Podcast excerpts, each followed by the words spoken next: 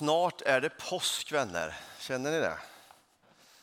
Det känns liksom inte i luften riktigt i alla fall än att det är vår, men eh, snart är vi där. Och vi har valt att eh, ordna en kort serie där vi förbereder oss inför påsken. Kyrkan har det ordnat så, det kallas för fastan. Eh, vi har valt att fokusera tre söndagar på fastan, på vårt dop idag och på lidandet nästa söndag innan vi kliver in i påskens stora berättelse. Det är, liksom, det är där vi har vår grund. Påsken är den viktigaste helgen i kyrkans historia. Det är, liksom, det är där vi har vårt, vår ryggrad, det är där vi har vårt fotfäste, det är där vi har vår grund. Det är där vi har allt det vi kan säga att vi har i Kristus. Det har vi på grund av hans död och hans uppståndelse. Och det ska vi fira ordentligt under påskhelgen. Jag hoppas att ni är med oss hela helgen. Eh, och det behövs en liten period att liksom förbereda sig. För det är liksom ett, ett, ett eh, mäktigt, starkt, kanske svårt budskap att ta till sig.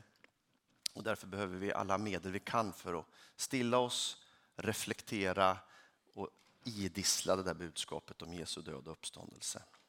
Och idag så ska vi tala om dopet. Jag ser faktiskt fram väldigt mycket om att få predika om, om dopet. Jag vet inte varför det blev så, men eh, jag kände när jag satt i min förberedelse att det här är, det här är fint att få tala om dopet. Om och om igen skulle vi göra det egentligen. Eh, vi har haft en hel del dopförrättningar i, eh, redan det här året och vi kommer ha en stor dopförrättning i april, är förberedd redan nu och det känns jätteroligt. Vi vet att när vi döper så då fungerar vi som kyrka. Men i dopet finns det så otroligt mycket av kraft och glädje för dig och mig. Så vi måste påminna oss om det där ofta. Vad som hände och vad som var orsaken och vad som blev konsekvenserna av ditt och mitt dop. Kanske är du inte döpt, sitter med idag och inte är döpt och hoppas att det här ska bli en, en inspiration och motivation för dig att gå dopets väg. Ehm, ehm och, ja, följ med mig i mina tankegångar Herre, jag ber att du ska välsigna det som ska sägas nu. Jag ber att du ska tala till oss. Jag ber att du ska välsigna oss, leda oss var och en. Du vet var vi befinner oss på livets vandring. En del är, är liksom kanske vilsna, en del känner sig stadigt rotade och andra är fundersamma, Herre. Men tack att du är med oss oavsett var vi är, så är du nära oss, Herre. Tala till oss idag, jag ber i Jesu namn. Amen. Bibeln undervisar om att det bara finns en väg till Gud och den vägen går genom Jesus Kristus. Det är Bibeln som säger det. Jag vet att det kan uppfattas lite intolerant, men Bibeln undervisar så. Det finns bara en väg till Gud och den går genom Jesus Kristus. Däremot finns det lika många vägar till Kristus som det finns människor. Där har vi var och en vår individuella berättelse om hur vi hittade Kristus. För några av oss, ganska många av oss, vi hade turen att bli födda in i familjer som tog oss till kyrkan.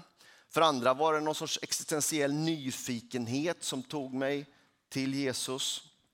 Inte så få av oss har upplevt att livskrisen fått oss att sänka garden och öppnat upp sinnet för det andliga.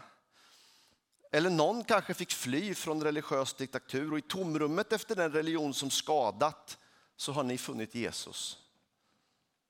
Hur ser din resa till Jesus ut? Hur skulle du uttrycka din egen berättelse om hur du mötte Jesus? Nu ska jag redan på förhand be om ursäkt för vad jag precis alldeles nu kommer att säga.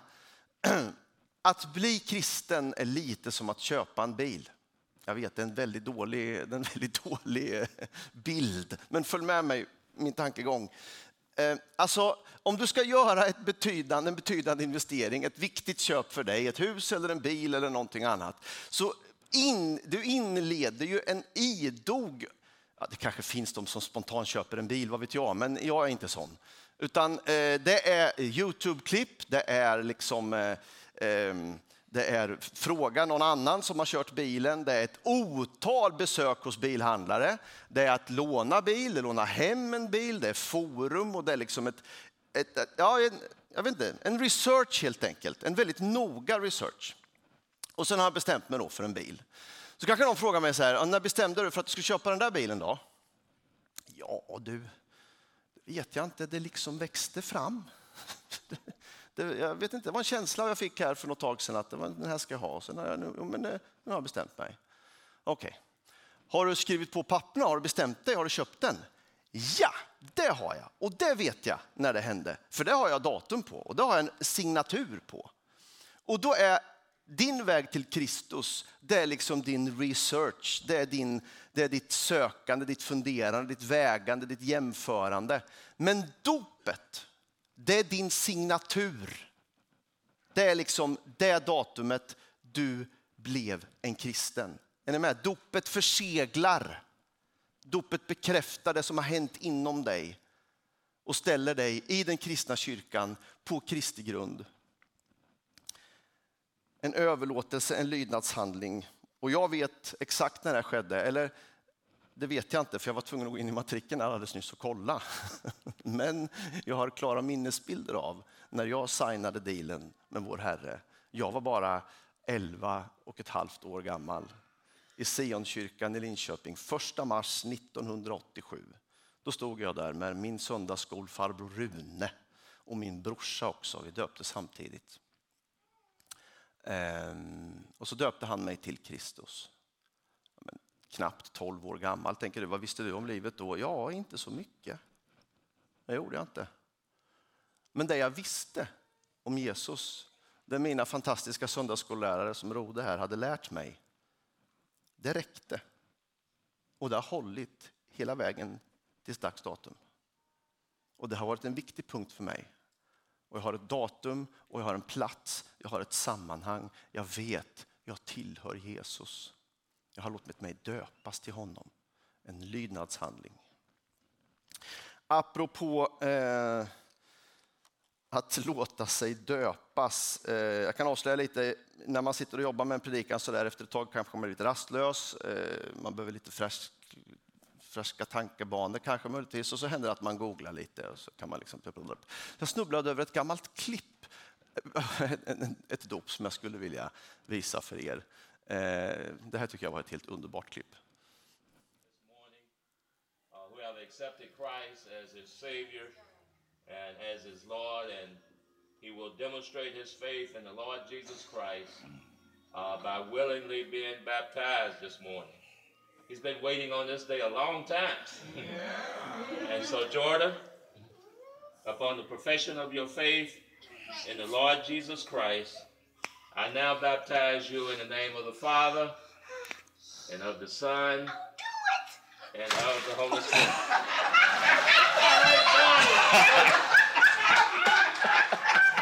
Go, George! Who needs a pastor? Eller hur? Han tjatar på alldeles för mycket, alldeles för länge. I'm gonna do this. Och sen efteråt, I did it! För er som inte kunde se det här hemma vid Youtube så var det en liten grabb som var alldeles för otålig för att höra pastorn tala färdigt när han stod i dopgraven så han slängde sig i vattnet själv. Ehm, jag skulle önska idag, med det jag vill säga, om du är en döpt person, du kanske inte är döpt, jag skulle ändå önska att du placerar dig själv i den där dopgraven och att du sträcker dina händer och att du kan säga, jag gjorde det. Jag har gått den här vägen, han har brännmärkt mig. Jag är ett Guds barn. I did it.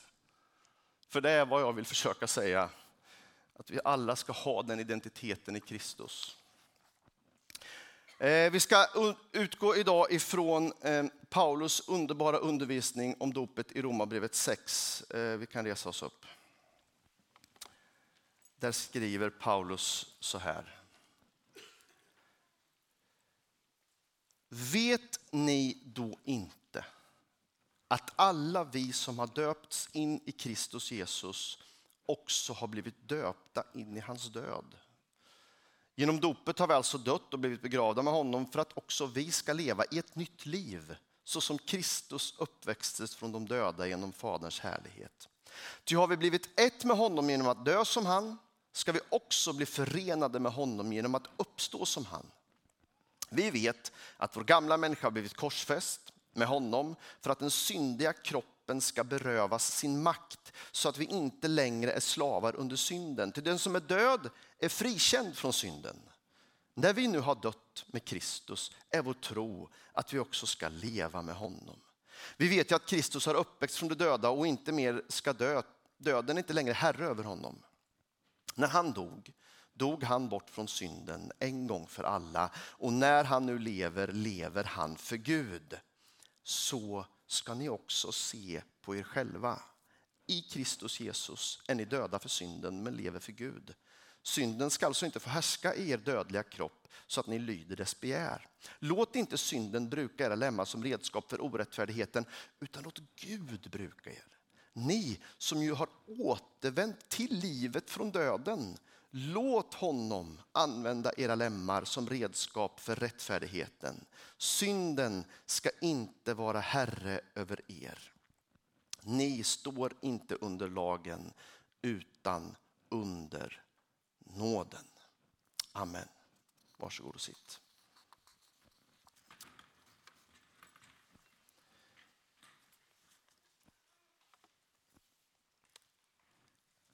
Vi är ett med honom, skriver Paulus.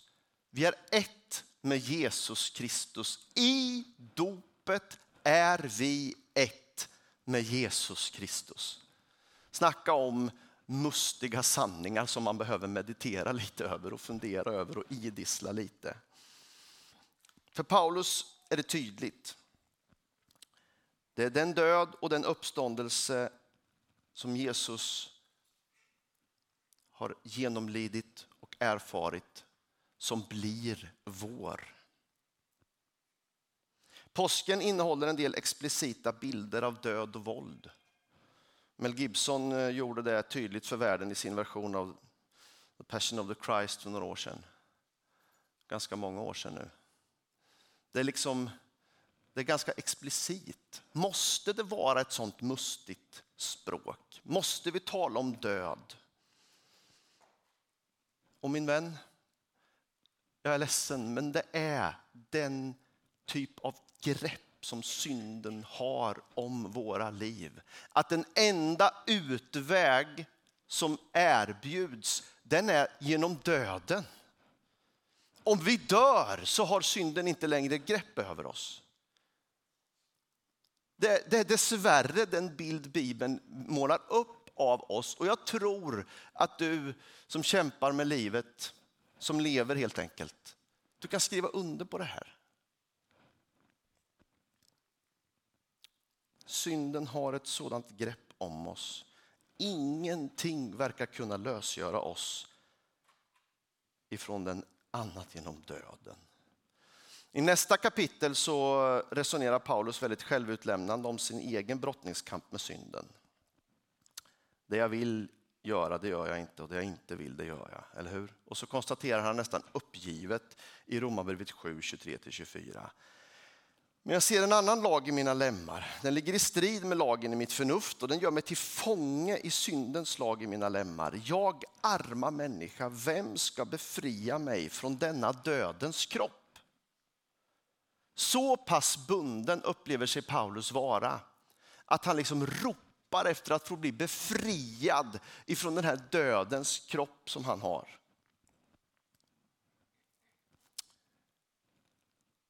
Jag vill bara säga till dig, om synden kväver dig, döm dig inte.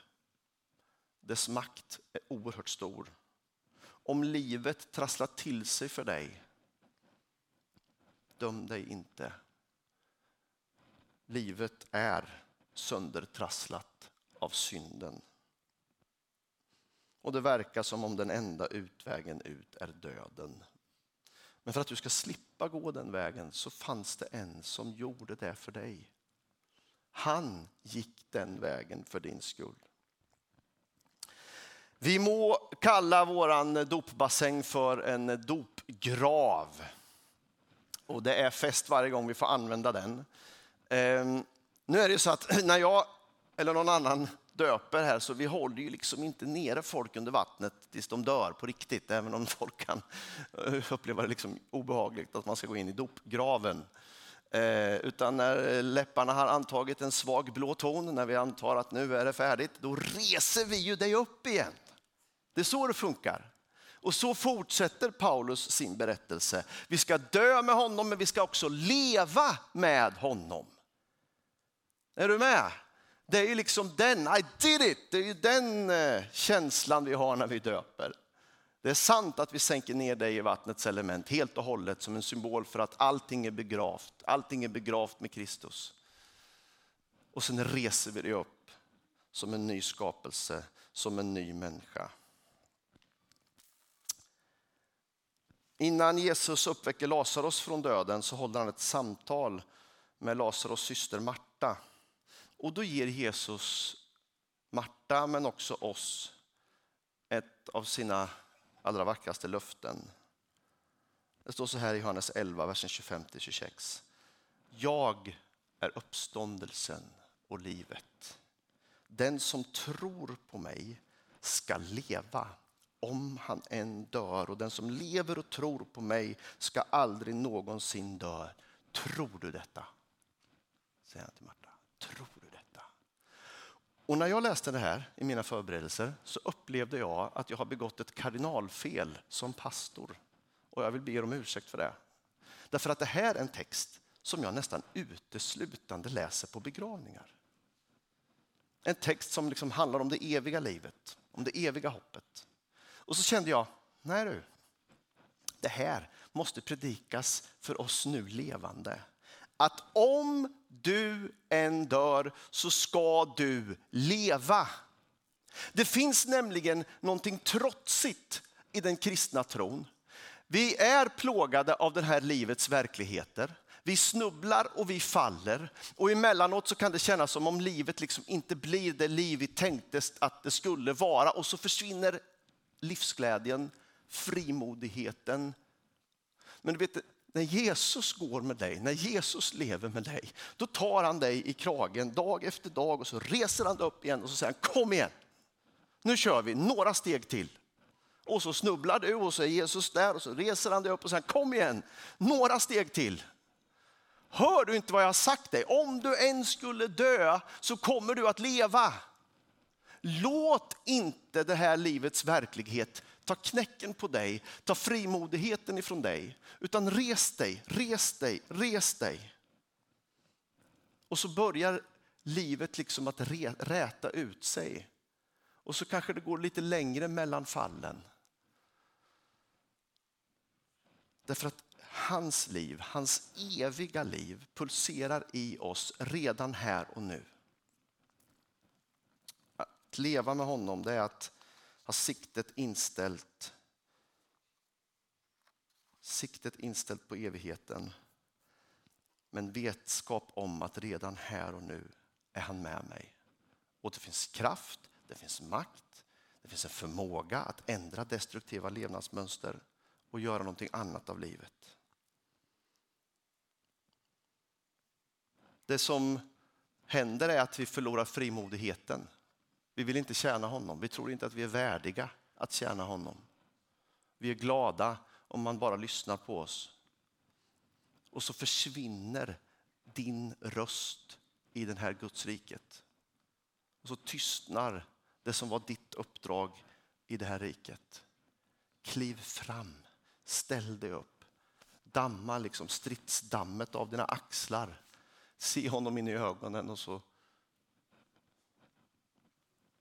så tar vi ett steg till i livet tillsammans med honom som är ett evigt liv. Redan här och nu. Vi är förenade med honom, skriver Paulus. Att vara förenad med Jesus är att vara förenad med hans kyrka. Denna vackra och i sig själv ofullkomliga gemenskap har fått uppdraget att gestalta Jesu närvaro i världen. Jag blir alltid så berörd när jag läser Paulus ord i första Korinthierbrevet 12. Han säger med en och samma ande har vi alla döpts att höra till en och samma kropp. Vare sig vi är judar eller greker, slavar eller fria och alla har vi fått en och samma ande att dricka. Ibland så kan jag drabbas av missmod när jag tittar på den världsvida kyrkan. Korruption, skandaler, lyxliv med hjälp av gåvogivares medel, maktmissbruk. Och samtidigt så tänker jag så här, det här är så typiskt Gud. Att använda sig av det brustna och det lilla. Det räcker att titta på Guds folk historia genom hela Bibeln. Det är människor som ständigt vänder Gud ryggen. De bedrar varandra. Paulus måste hantera otrohet och fylleri vid nattvardsbordet. Om Israels barn och församlingen i Korint kunde så kan vi. Vår brustenhet är inget hinder. Så länge vi har våra hjärtan vända mot Jesus i en ständig bön om försoning, förlåtelse och nåd så kan vi vandra hans vägar. De är inte alltid raka, vi snubblar emellanåt, men vi hör ihop. Vi, är, vi hör samman. Det är därför vi alltid firar så långt det bara är möjligt dopförrättning i vår gemenskap. För när vi döps till Kristus så döps vi också till hans kropp. Att vara ett med Kristus det är att vara ett med församlingen. Och det är därför församlingen gläds så när det är dop. Det är inte en individuell handling som du gör med, med Gud och som har med din tro att göra bara. Nej, det är ett införlivande i den gemenskap som ska gestalta och göra det Jesus gjorde, säga det han sa, vara det han var i den här världen. Och det klarar vi inte själva. Vi behöver verkligen varandra. Så att vara förenad med honom i hans död, i hans uppståndelse och i gemenskap. Det är vad som har hänt. Och det var vad som hände med mig den 31 mars 1987. Låt mig avsluta med att reflektera över någonting som Paulus skriver i Romarbrevet. Han skriver så här. Så ska ni se på er själva. Vem är du? Vem är du? Jag vet inte, ibland när jag är lite alldeles trött och vill göra en liten paus på morgonen och har borstat tänderna och när mitt ansikte visar sig från sitt mest fula jag, så står jag en liten stund i spegeln, har ni testat det?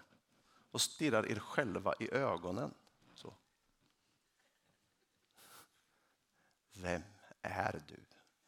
Man kan få lite ångest av den frågan, men den är ganska nyttig mellanåt. Sådär. Vem är den där filuren som tittar tillbaks i spegeln? Känner du dig själv, Andreas? Har du koll på dina... Ja, vad du nu behöver ha koll på. Vem är du?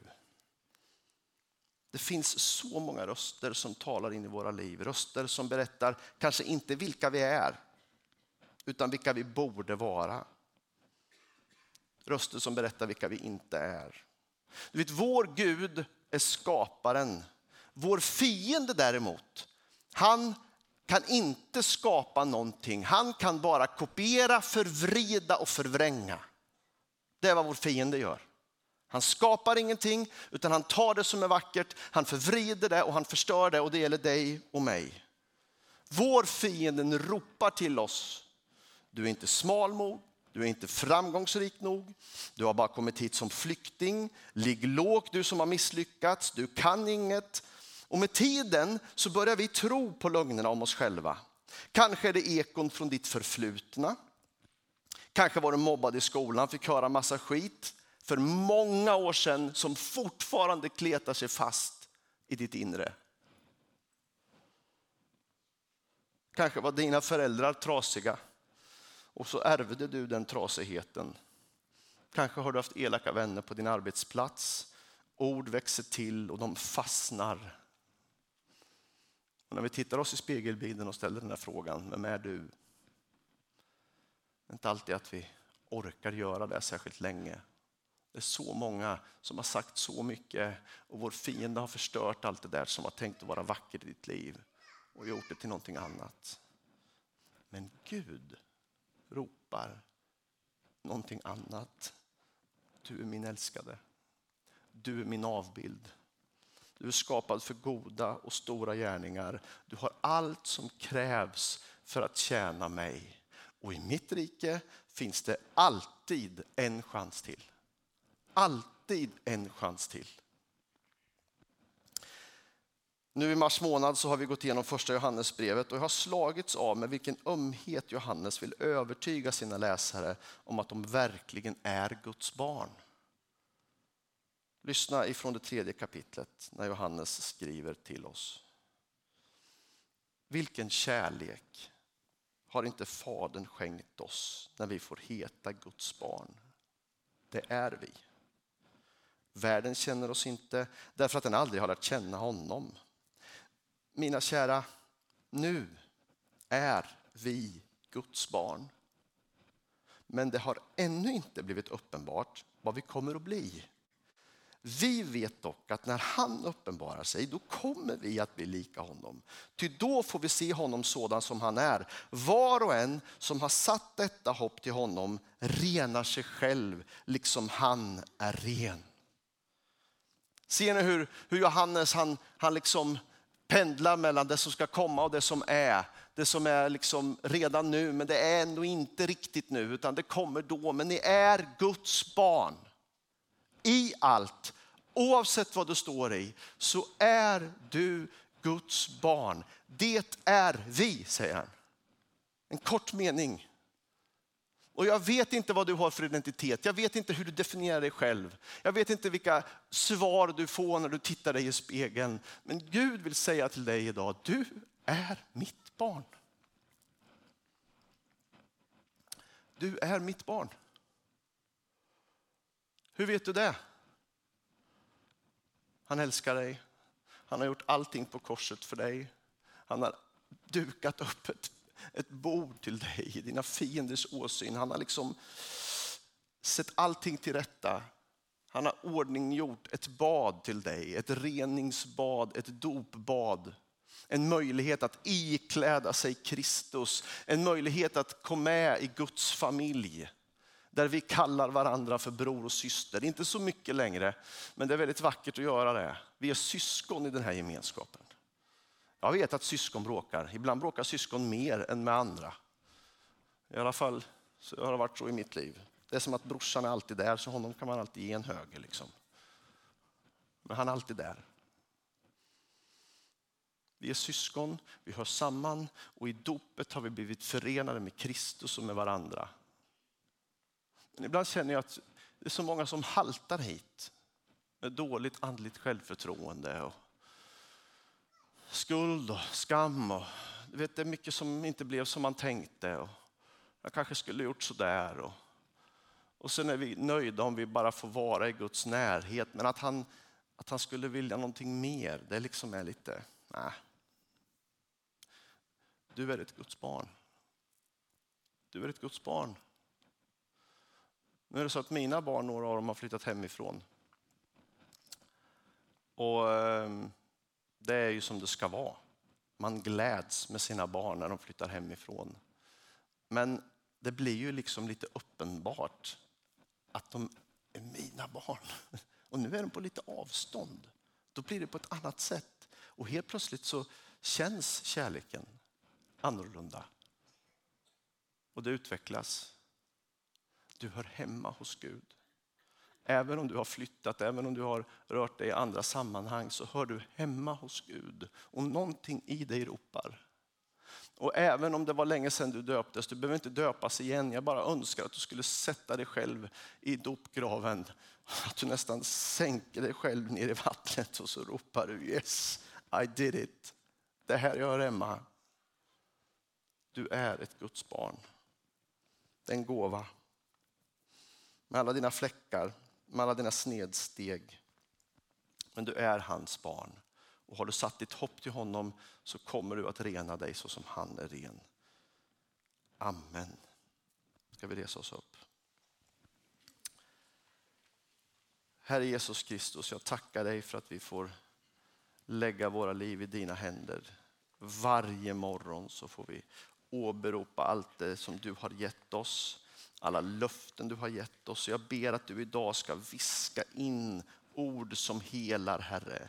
Inte ord som bryter ner, inte ord som skapar ångest, inte ord som, som liksom är destruktiva, utan ord som helar och bygger upp och som, som sätter oss på en plats där du har satt oss att vara, Herre Jesus Kristus. Vi tackar och lovar dig för det. Jag ber för den som har fått höra alldeles för många hårda ord. Jag ber för den som har dömt sig själv alldeles för hårt. Jag ber för den som, som mår dåligt när man ser sig själv i spegeln, Herre. Kom och viska dina ord. Att du är mitt barn, du är mitt älskade barn. Jag älskar dig. Jag vet vad du har gjort, men du är förlåten. Vi vandrar ett steg till du och jag. Du är nära mig, jag vill hålla mig nära dig. Jesus Kristus, kom med dina helande, vackra, underbara, uppmuntrande ord. Du som har skapat oss. Du som vet vilka vi är, Herre. Jesus Kristus, vi älskar dig så. Amen, amen, amen. amen. Hörrni, eh, vi ska ha en stund då vi är inför Gud.